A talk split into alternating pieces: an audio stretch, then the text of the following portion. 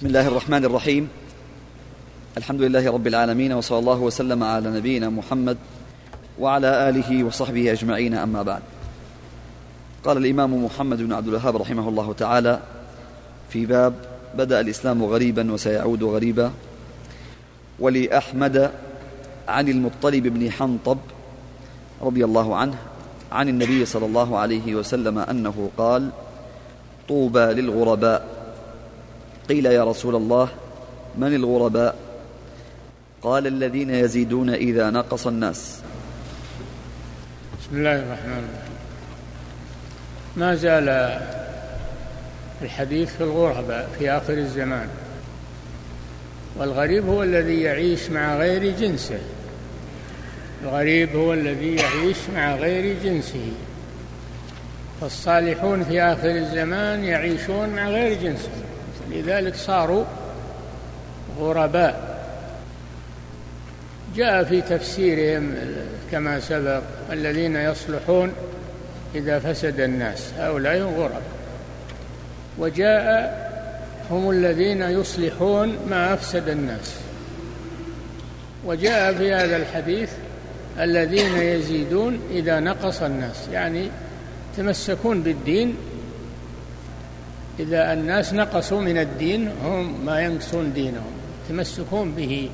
وكل الروايات لا تختلف. يجمعون هذه الأوصاف الغرباء يجمعون هذه الأوصاف. نعم. قال وللترمذي من حديث كثير بن عبد الله المزني عن أبيه عن جده عن النبي صلى الله عليه وسلم أنه قال طوبى للغرباء. الذين يصلحون ما أفسد الناس من سنتي. من سنتي هذا فيه تفسير. ما أفسد الناس من إيش؟ من سنة الرسول صلى الله عليه وسلم. فهم يبينون السنة. إذا جهلها الناس أو تساهلوا فيها يبينونها للناس. نعم. يعني يحتفظون بالسنة. نعم. قال الأوزاعي في معنى الحديث أما إنه ما يذهب الإسلام. ولكن يذهب أهل السنة حتى ما يبقى في البلد منهم إلا رجل واحد. الأوزاعي أحد الأئمة الكبار من أهل الشام رحمه الله. يفسر هذا الحديث فيقول الغرباء هم الذين يتمسكون بالسنة. يتمسكون بالسنة إذا تركها الناس. حتى ولو لم يكن في البلد إلا واحد فهو أهل السنة وهو الغريب. ما يقول والله بصير مع الناس وب... أنا منعزل عن لا اصبر. تمسك بالسنة واصبر ولو كنت وحدك. فأنت الجماعة وأنت أهل السنة. نعم. قال وفي المسند عن عبادة رضي الله عنه أنه قال لرجل من أصحابه يوشك أن ترى الرجل قد قرأ القرآن على لسان محمد صلى الله عليه يوشك وسلم. يوشك يوشك أن ترى الرجل قد, نعم. قد قرأ القرآن على لسان محمد صلى الله عليه وسلم فأعاده وأبداه فأحل حلاله وحرم حرامه ونزل عند منازله. لا يحور فيكم إلا كما يحور رأس الحمار الميت. نعم يرخص على الناس. اللي يتمسك بالسنة في آخر الزمان يرخص على الناس مثل ما يرخص عليهم رأس الحمار الميت. من الزهد بالسنة وأهلها. لكن المسلم يصبر على هذا. يصبر على الدين يصبر على السنة. ولا ينخرط مع الناس أو ينظر لرضاهم. إنما يتمسك بالسنة النبوية. وسيلقى مشقة ويلقى غربة ويلقى أذى لكن يصبر على هذا. نعم. ولو رخص على الناس لو رخص على الناس وعيروه وسبوه وصفوه بالتشدد ووصفوه بالتكفير ووصفوه بأي وصف ما يهمه. ما دام إنه على السنة وعلى الحق ما يهمه كلام الناس. يصبر. نعم. قال وللبخاري عن الزبير بن عدي أنه قال أتينا أنسا فشكونا إليه ما نلقى من الحجاج. أتينا أنس أنس بن مالك يعني خادم الرسول صلى الله عليه وسلم. شكوا إليه ما يجدون من ظلم الحجاج. الحجاج أمير من أمر بني أمية أمير على العراق. من أمراء بني أمية وهو ظالم وشديد وعنده قسوة. فشكوا إلى أنس بن مالك ما يلقون من ظلم الحجاج وقسوته عليهم. نعم. فقال اصبروا. اصبروا على ظلمه على قسوته. نعم. فإنه لا يأتي عليكم زمان إلا والذي بعده شر منه. سمعته من نبيكم صلى الله عليه وسلم. لا يأتي زمان هذا محل الشاهد. لا يأتي زمان إلا والذي بعده شر منه يتحول الناس شيئا فشيئا. كل أهل فترة أسوأ من اللي قبلهم. حتى يصبح الدين غريبا في الناس في آخر الزمان. هذا الحديث فيه أنه كل ما تأخر الزمان اشتدت الغربة. كل ما تأخر الزمان اشتدت الغربة لأهل الدين عليهم بالصبر. نعم. يعني فأنس رضي الله عنه أمرهم بالصبر على الحجاج. أمرهم بالصبر على الحجاج. وهذا فيه دليل على الصبر على ظلم الولاة وإن جاروا وإن ظلموا لأن هذا جمعا للكلمة. جمعا للكلمة واستقرار للأمن والخروج على ولي الأمر يسبب الشر والفتنة يسبب سفك الدماء وضياع الأمن فهو أشد من صبرهم على ظلم الراعي.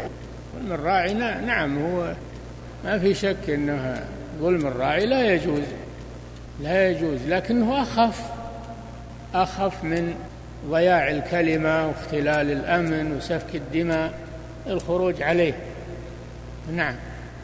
الصبر على ظلمها أخف من الخروج عليه وانفلات الأمر نهائيا. هذا من ارتكاب أخف الضررين لدفع أعلاهما كما هي القاعدة. نعم. قال ولمسلم عن أبي هريرة رضي الله عنه أنه قال قال رسول الله صلى الله عليه وسلم يتقارب الزمان. وينقص العمل ويلقى الشح وتظهر الفتن ويكثر الهرج. قالوا يا رسول الله ما هو؟ قال القتل القتل. هذا في آخر الزمان. في آخر الزمان تزيد الفتن وتشتد. ماذا نعمل؟ الصبر. اصبروا تمسكوا بدينكم واصبروا. هذا هو الحل. ما لكم غير الصبر على الدين. ولأنه ورد أنه القابض على دينه في آخر الزمان كالقابض على الجمر. من شدة ما يلقى بسبب تمسكه بدينه يلقى من الناس الأذى والمضايقة و وغير ذلك من الأنواع الأذى. يصبر.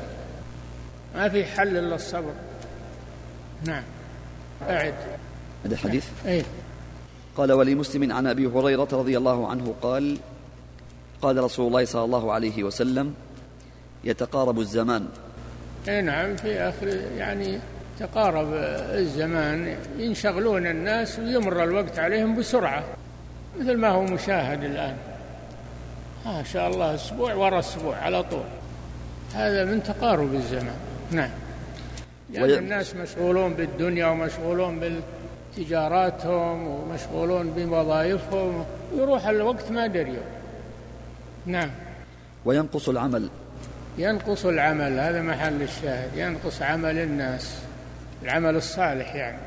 ينقص العمل لأنه ما يجتمع ما يجتمع العمل الصالح مع الانشغال بالدنيا. لازم بعضهم حداه يقضي على الثاني أو أو يغلب عليه. الذي ينشغل بالدنيا يخف عليه الدين والذي ينشغل بالدين تخف عليه الدنيا. نعم. ويلقى الشح. الشح يعني إمساك المال وعدم الإنفاق في سبيل الله. نعم. وتظهر الفتن.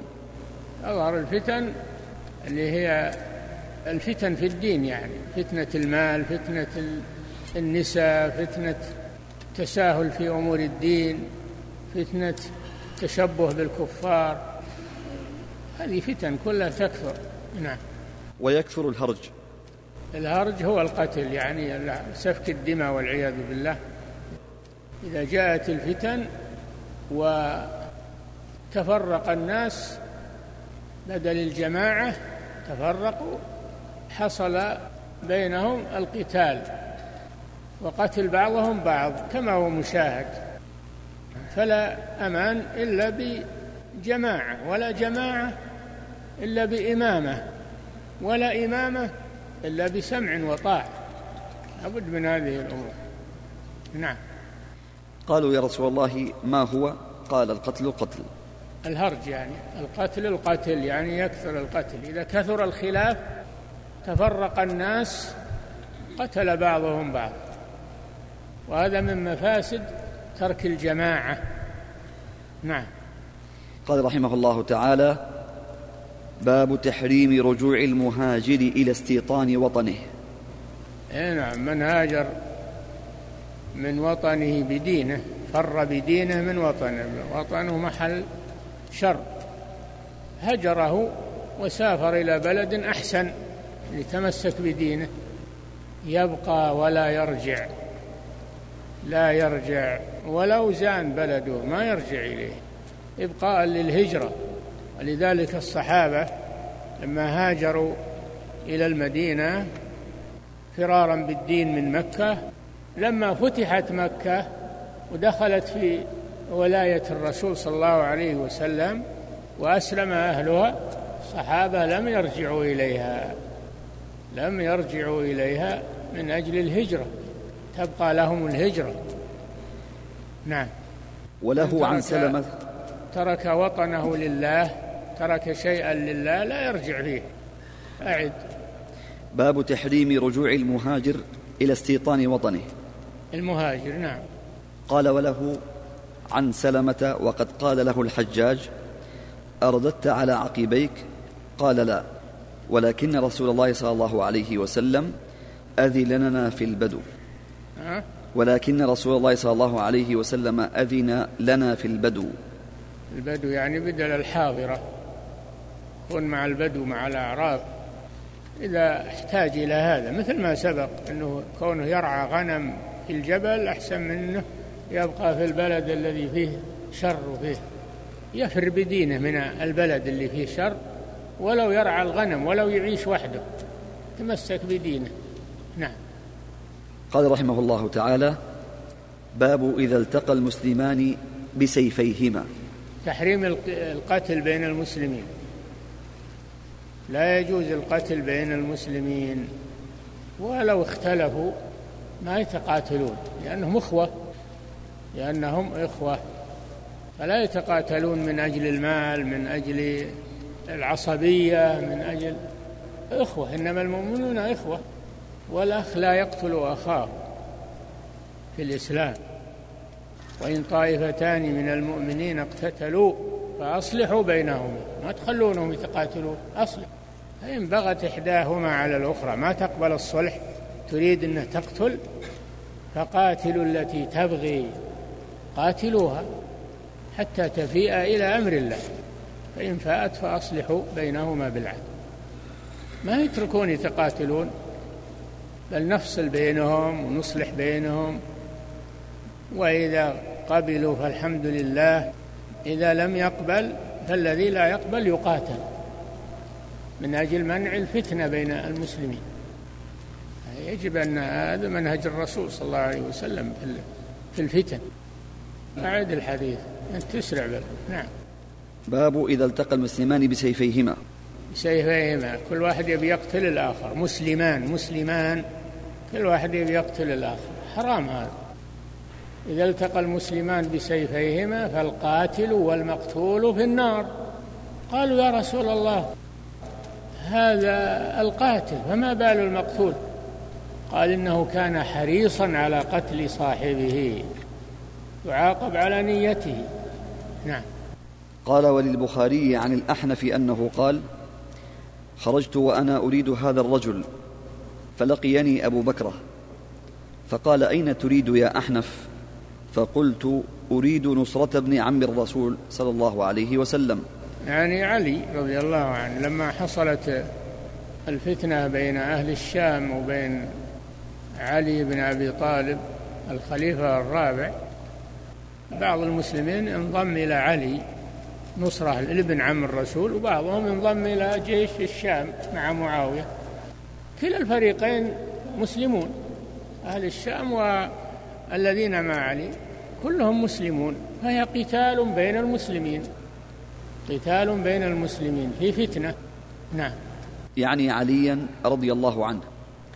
فقال لي يا أحنف ارجع فإني سمعت رسول الله صلى الله عليه وسلم يقول إذا تواجه المسلمان بسيفيهما فالقاتل والمقتول في النار. نعم. هذا أبو بكر رضي الله عنه لقي هذا الرجل لما حصلت الحرب بين علي ومعاوية رضي الله عنهما علي على أنه الخليفة معاوية يطالب بقتل عثمان يطالب الذين قتلوا عثمان يريد القصاص منهم. كل واحد مجتهد كل واحد من الصحابيين مجتهد رضي الله عنهم. هذا على أنه خليفة وهم خرجوا عليه وهؤلاء على أنهم يطالبون بدم عثمان الذين قتلوه يريدون القصاص منهم. فخرج هذا الرجل يريد أن ينضم إلى علي إلى علي الخليفة. فلقيه أبو بكر سأله من تريد؟ قال أريد نصرة ابن عم رسول الله. هذا حق طيب. لكن لما كان فيه فتنة بين المسلمين قال له ارجع. ارجع لا تدخل في الفتنة.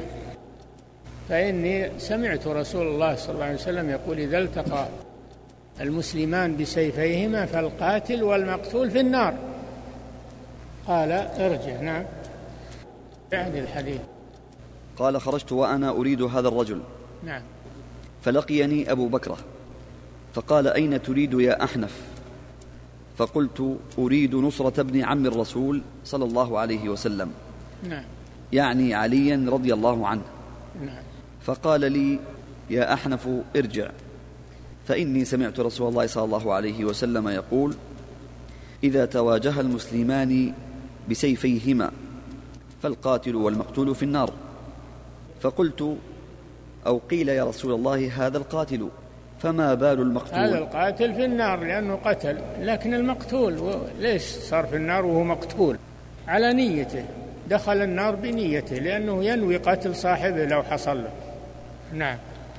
فقال هذا فعل القتل وهذا ناو للقتل بدليل على أن الإنسان يؤاخذ على النية. نعم. قال إنه أراد قتل صاحبه. إنه أراد قتل صاحبه القتيل كان يريد قتل صاحبه. فيعاقب على نيته والعياذ بالله. فهذا الحديث فيه أن الإنسان لا يدخل في الفتنة بين المسلمين يعتزل الفتنة مهما أمكنه ذلك. إن حصل يصلح بينهم هذا مطلوب إذا ما حصل يصلح بينهم وهو يتجنب القتال ولا يدخل مع هذا ولا مع هذا. نعم.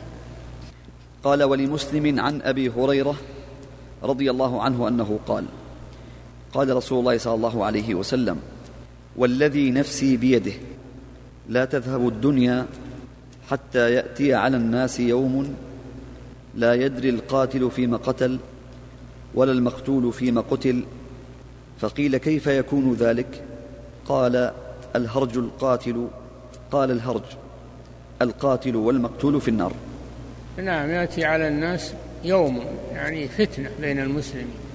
تقاتلون ولا يدري القاتل وش السبب أنه قتل هذا المسلم. والمقتول ما يدري سبب قتله. يعني فتنة ما ما معه شعور. لأن الفتنة إذا اشتعلت يصعب إطفاؤها. لكن قبل تشتعل يمكن تلافيها. لكن إذا نشبت والعياذ بالله الفتنة صعب إطفاء الفتنة فيقتل ما يدري وش اللي أمامه ولا من قتل ولا من هذا فيه شر الفتن والعياذ بالله. وفيه أن المسلم يتجنب الفتن ولا يدخل فيها بين المسلمين. نعم. إنما يكون يصلح بينهم إذا أمكن إذا ما يمكن يعتزل يعتزل الفتنة يبعد عنها. نعم. قال رحمه الله باب هلاك الأمة بعضهم ببعض. نعم. هلاك الأمة بعضهم ببعض. في آخر الزمان يهلك بعضهم بعضا للفتن لا لشيء إلا للهوى والعصبية والله أعلم بالأسباب. نعم. قال ولمسلم عن ثوبان رضي الله عنه أنه قال قال رسول الله صلى الله عليه وسلم إن الله زوى لي الأرض.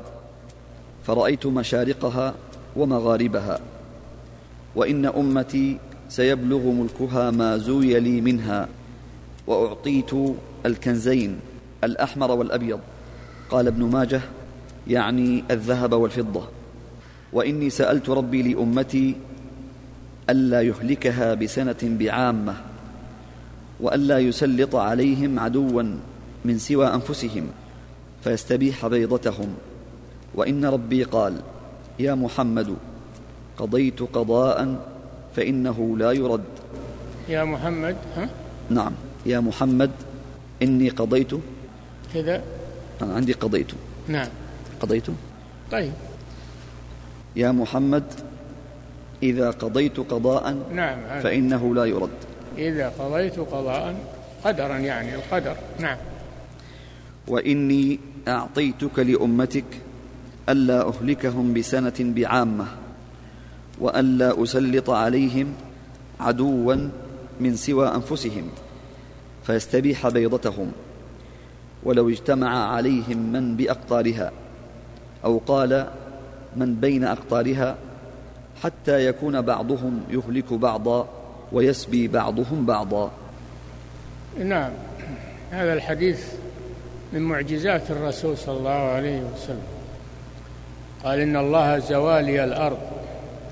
جمع الأرض لمحمد صلى الله عليه وسلم جمعها له مشارقها ومغاربها حتى إنه صلى الله عليه وسلم نظر إليها نظر إلى الأرض كلها بهذه الصورة التي زواها الله له.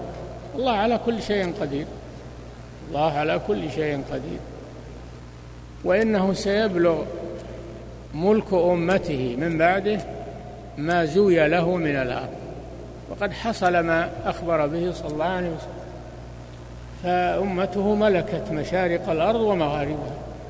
بالفتوحات والدعوة إلى الله اتسعت مملكة المسلمين على المشارق والمغارب. هذا تحقق وهذا من معجزات الرسول صلى الله عليه وسلم. وأعطي الكنزين. أعطي الكنزين الأبيض والأصفر. هذا إشارة إلى فتح فارس والروم لأنهم يعني عندهم الكنوز. فالفضة هذه للفرس والذهب للروم. وسترثه هذه الأمة ترث الكنزين. الذهب والفضة التي عند الروم وعند الفرس ففيه إشارة إلى سقوط دولة الفرس وسقوط دولة الروم بيد المسلمين وقد حصلت هذه أيضا. ها؟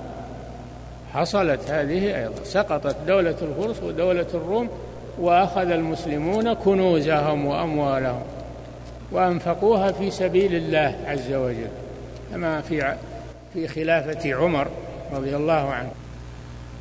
أعطيت الكنزين الأبيض والأصفر.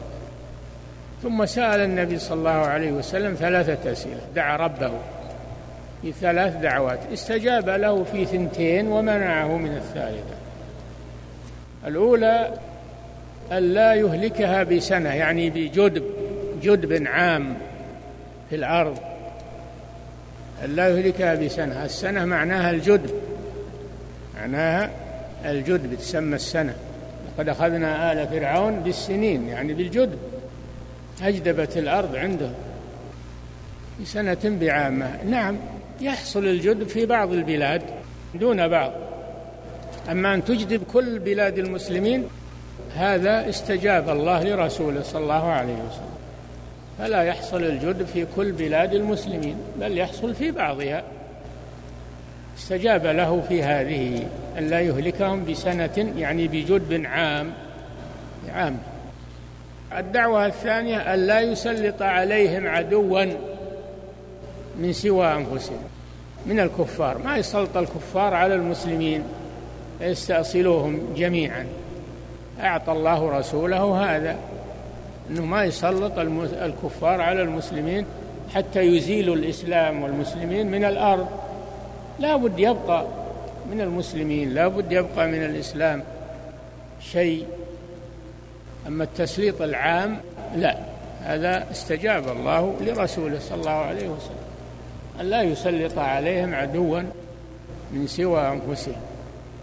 الثالثة سأل النبي صلى الله عليه وسلم ربه ألا يسلط المسلمين بعضهم على بعض فمنع الله ذلك. منع ولم يستجب له أنه سيحصل بين المسلمين تسلط بعضهم على بعض وفتنة. هذا محل الشاهد من الحديث أنه سيحصل بين المسلمين قتال وشر وفتنة بينهم. هذه هي المخيفة. هذه هي المخيفة. نعم. أحسن الله إليكم شيخ. وإن الله أعيد الحديث؟ أي نعم. انتبهوا حديث عظيم هذا. نعم. قال رسول الله صلى الله عليه وسلم إن الله زوى لي الأرض. الله على كل شيء قدير. يعني صغرها صغر الأرض أمام الرسول صلى الله عليه وسلم حتى صارت في مشهد الرسول يشاهدها كلها. نعم. فرأيت مشارقها ومغاربها. نعم. فرأيت مشارقها ومغاربها وإن هذه معجزة هذه واحدة آية واحدة. نعم. وإن أمتي سيبلغ ملكها ما زوي لي منها. هذا الثانية المعجزة الثانية. أخبر أن أمته ستملك ما زوي له من المشارق والمغارب قد حصل. نعم. وأعطيت الكنزين الأحمر والأبيض. الأحمر اللي هو كنوز الروم وفارس والروم الأبيض والأحمر يعني الذهب والفضة. نعم. قال ابن ماجه يعني الذهب والفضة. نعم. وإني سألت ربي لأمتي ألا يهلكها بسنة بعامة. يعني بجدب عام. نعم. وألا يسلط عليهم عدوا من سوى أنفسهم. هذه الثانية هذه المسألة الثانية والثالثة؟ فيستبيح بيضتهم. نعم. وإن ربي قال يا محمد إذا قضيت قضاء فإنه لا يرد. وإني أعطيتك لأمتك ألا أهلكهم بسنة بعامة. هذه المسألة الأولى. استجاب الله. نعم. وألا أسلط عليهم عدوا من سوى أنفسهم. هذه الثانية استجابها الله. نعم. فيستبيح بيضتهم. ولو اجتمع عليهم من بأقطارها. من بأقطارها؟ ما يستطيعون يزيلون الإسلام مهما بلغوا. الإسلام سيبقى سيبقى الإسلام إلى أن تقوم الساعة. لا تزال طائفة من أمتي على الحق ظاهرين لا يضرهم من خذلهم ولا من خالفهم. حتى يأتي أمر الله تبارك وتعالى. فالإسلام ما يزول نهائيا من الأرض سيبقى. استجاب الله لرسوله هذا. نعم. أو قال من بين أخطارها حتى يكون بعضهم يهلك حتى هذه المسلم الأخيرة ذي إنما بعضهم يتسلط على بعض تحصل الفتنة بينهم. هذه الله منعها ولم يستجب. نعم. ويسبي بعضهم بعضا. نعم. فإذا حصل أن بعضهم يقتل بعضا ويسبي بعضهم بعضا المسلمين بينهم فهذا سيحصل وسيقع. نعم. قال رحمه الله زاد أبو داود وإنما أخاف على أمتي الأئمة المضلين. اي نعم هذا ما خافه الرسول صلى الله عليه وسلم. الأئمة المضلين من علماء الضلال دعاة الشر الدعاة دعاة الضلال ودعاة الفتنة. وما أكثرهم تسمون بالدعوة إلى الدين وهم يدعون ضد الدين يلبسون على الناس. هذول خطر والعياذ بالله. خطر على المسلمين. هذه واحد يخاف الرسول منهم. نعم. وإذا وضع السيف في و- أمتي وهذه الثانية إذا وقعت الفتنة فإنها تستمر فيه. وقد وقعت بقتل عثمان رضي الله عنه. لما قتلوا عثمان انفتح باب الفتنة على المسلمين ولا يزالون إلى أن تقوم الساعة والفتن بينهم. نسأل الله العافية. نعم. وإذا وضع السيف في أمتي لم يرفع عنها إلى يوم القيامة. هذا المشكلة. خطيرة هذه. نعم.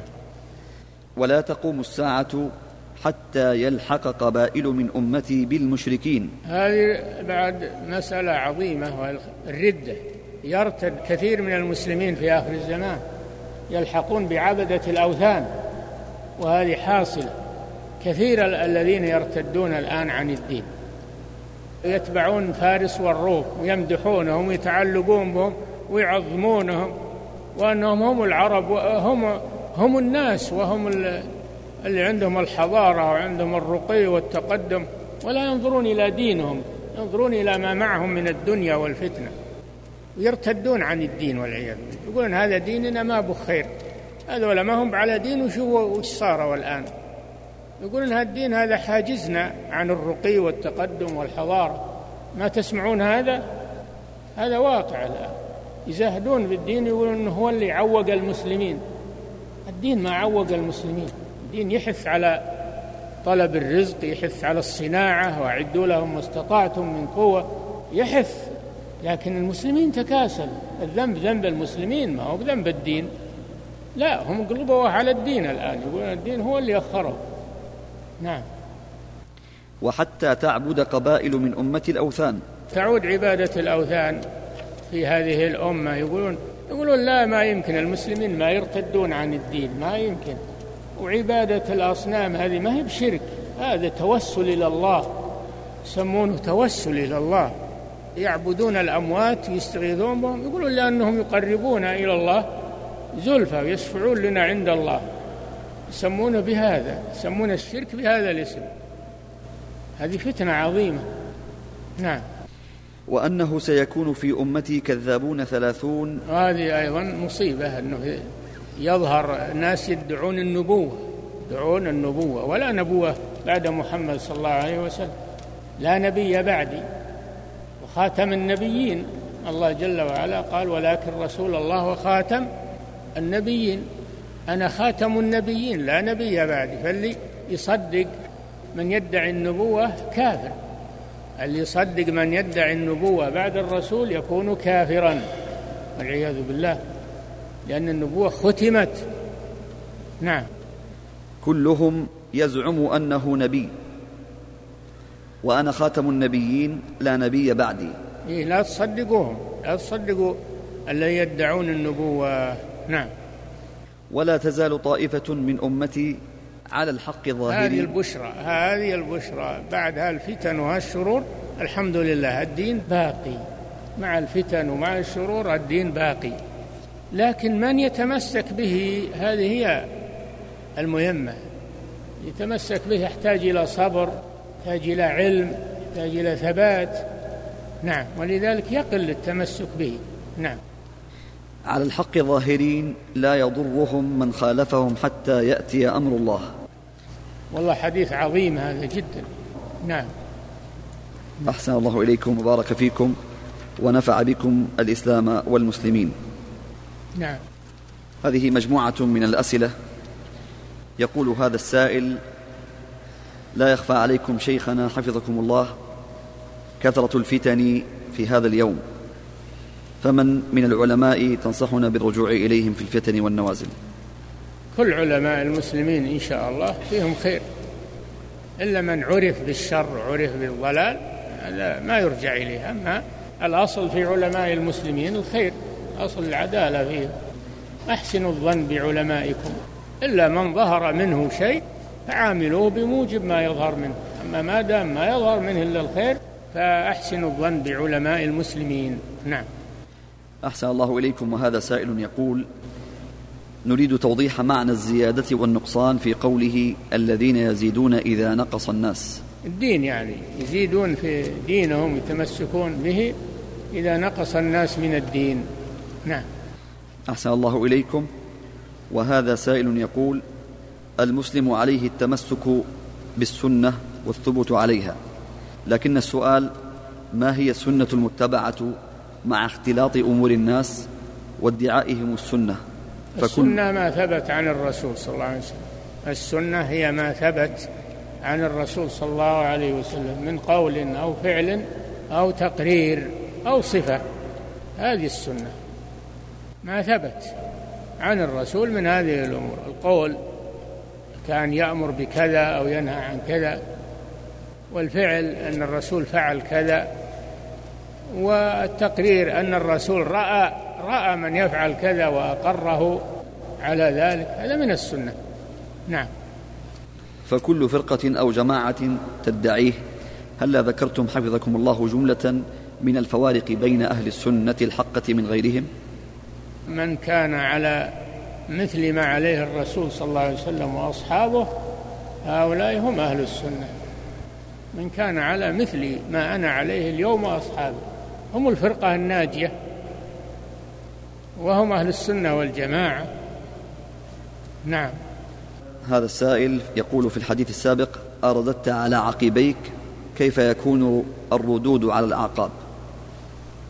نعم. عندما قال له الحجاج أرددت على عقبيك كيف يكون الرد على العقاب يعني كأن الحجاج ينكر على هذا الإنسان اللي ترك البلد وراح للبادية أو للهجرة فرارا بالدين. فيقول لا أنا أريد الفرار بديني والثبات على ديني ولو أعيش في البادية أو أعيش في القرية أو نعم. ما أبي المدن ولا أبي اللي فيها شر. نعم. أحسن الله إليكم. وهذا سائل يقول يخوض الناس في هذا الزمان ويتكلمون في أمر معاوية رضي الله عنه ويقولون إنه كان ظالما. فهل هذا قبحهم الله. اللي يسبون معاوية؟ قبحهم الله وأخزاهم. معاوية صحابي جليل من صحابة الرسول صلى الله عليه وسلم وهو الذي جمع الله به المسلمين هو الذي وقف في وجوه الفتن والفرق الضالة وقمعها. فله فضائل رضي الله عنه لكن هؤلاء يبغضون من ينصر الدين. ومعاوية ممن نصر الدين وثبت الله به المسلمين في خلافته رحمه الله. كان محنكا عدلا كان سياسيا قهر أهل الشر وقهر أهل البدع بحكمته وحنكته وعقليته رضي الله عنه. فله فضائل لكن هؤلاء يعادونه لأن الله ثبت به الدين وقمع به الفتنة. يعادونه من أجل هذا. نعم. أحسن الله إليكم. وهذا سائل يقول كيف الجمع بين حديث الأحنف حين أراد أن ينضم إلى علي بن أبي طالب رضي الله عنه فمنعه أبو بكرة وبين قوله تعالى فقاتلوا التي تبغي حتى تفيء إلى أمر الله. إيه من هي الفئة الباغية؟ ما ندري من هي. كلهم مسلمون وكلهم فمن هي الفئة؟ تقول أن علي هو الباغي ولا أن معاوية هو الباغي؟ اترك هذا لا تدخل بينهم. لا تدخل بين الصحابة وتخطي هذا وتصوب هذا. نعم. وهذا يسأل فيقول ما حكم نشر ما حصل بين الصحابة رضي الله عنهم في الأشرطة كما توجد في بعض الأسواق؟ اتركوها. اللي يتعرض للصحابة أو ينشر شيء عنهم يسيء إليهم اتركوه. ولا ردوا عليه إن كنتم تحسنون الرد ردوا على هذه الأشرطة بأشرطة تنقضها وتبطلها نعم. ولا حذروا منها على الأقل. نعم. أحسن الله إليكم وهذا يقول إذا تقابل مسلمان بسيفيهما فقتل أحدهما الآخر دفاعا عن نفسه مع أن نيته سليمة ولم يكن حريصا على قتل القاتل. ما هو بيدافع عن نفسه؟ بيقتل أخاه المسلم. ما هو بدفاع؟ بيقتل أخ... لو ما سل السيف عليه ما جاء ذاك الآخر. لو كف وراح ما جاء هو اللي يريد قتل أخاه المسلم. نعم. أحسن الله إليكم وهذا سائل يقول ورد في الحديث أنه لن يسلط عليهم عدوا يستبيح بيضتهم فما هي بيضة الإسلام؟ حوزته. بيضة الإسلام حوزته. نعم. وهذا سائل يقول لو أتى إلينا رجل غريب وأراد أن ينشر الفساد ما واجبنا أمامه؟ كان تقدرون على منعه امنعوا. إذا ما تقدرون على منعه حذروا منه حذروا الناس منه ومن شره. نعم. أحسن الله إليكم. وهذه سائلة تقول هل كلمة جمعة مباركة تعتبر بدعة؟ نعم. ما ورد هذا.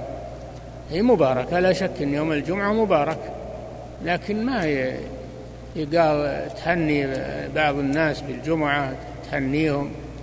ما ورد هذا. هذا في عيد عيد الفطر ولا عيد الأضحى. أما الجمعة ما فيها تهنئة. نعم. أحسن الله إليكم. وهذا سائل يقول تمر الأمة بألوان من الفتن. نسأل الله أن يسلمنا وإياكم منها في كل مكان. إذا حصلت فتنة في بلد مسلم وصار هناك اعتداءات وفوضى هل يجوز لهم إذا دخل عليهم من يعتدي عليهم أن يقتلوه دفعا عن أنفسهم؟ وما ضابط ذلك؟ نعم. إذا دخل عليك واحد يريد قتلك أو الفجور بأهلك أو أخذ مالك فادفعه. من قتل دون نفسه فهو شهيد من قتل دون ماله فهو شهيد من قتل دون أهله أو حرمته فهو شهيد. هذا دفاع عن النفس. صائل هذا يسمونه رد الصائل ودفع الصائل نعم. وهذا سائل يقول صف لنا حال أهل الحل والعقد. اللي بديهم الأمور أهل الحل والعقد اللي بديهم أمور الأمة. وولاة الأمور هم أهل الحل والعقد ولاة الأمور. نعم. وهذا سائل يقول كثر دعاة الفتن في هذا الزمان فكيف نتعرف عليهم حتى نجتنبهم؟ تعلم السنة أول تعلم علشان تعرف السنة من البدعة تعرف أهل الخير من أهل الشر. لا بد من تعلم العلم النافع. نعم. أحسن الله إليكم. يقول هذا السائل لو كان هناك شخص عنده علم قليل وفي بلده منكرات وبدع فاشية فهل ينتظر هذا الشخص إلى أن يكمل تعليمه ويتفقه ويتفقه أكثر ثم يعلم أم يبادر بالتعليم بما يعلمه يعلم بقدر ما يعلم. يعلم بقدر ما يعلم. من تعلم شيئا يعلمه لغيره وإن كان قليلا يعلمه لغيره. ولو كان قليلا ما يقول لا بكمل تعليمي ولما أصير عالم. لكن تدرج شيء فشيء والمنكرات بعضها أشد من بعض. يبدأ بالأهم فالأهم. نعم. أحسن الله إليكم. نختم بهذا السؤال. يقول السائل من المعلوم أن من بدل أحكام الشريعة بالكامل بالديمقراطية فإنه يكفر بالعموم لكن في حالة التعيين هل يحتاج إلى أن يستحل الحاكم لهذه الديمقراطية أم أنه يكفر بمجرد التبديل؟ العلماء ذكروا من لم يحكم بما أنزل الله فأولئك هم الكافرون فأولئك هم الظالمون فأولئك هم الفاسقون. فقالوا إن كان يحكم بغير ما أنزل الله يرى أنه أحسن مما أنزل الله هذا كافر الكفر الأكبر المخرج من الملة. أو يرى أنه مخير أن يحكم بما أنزل الله أو بغيره هذا أيضا كافر الكفر الأكبر المخرج من الملة. يرى أن ما القانون أفضل من الشرع هذا كافر بالإجماع. يرى أنه تساوى هذا وهذا. هذا كافر أيضا بالإجماع. أما من يحكم بغير ما أنزل الله لهوى هو يعرف أن ما أنزل الله هو الحق ويؤمن بهذا. لكن حمله الهوى أنه حكم بغير ما أنزل الله. أو حمله حب المال يأخذ رشوة وحكم بغير ما أنزل الله من أجل الرشوة. لكن يعتقد أن ما أنزل الله هو الحق. فهذا كافر الكفر الأصغر.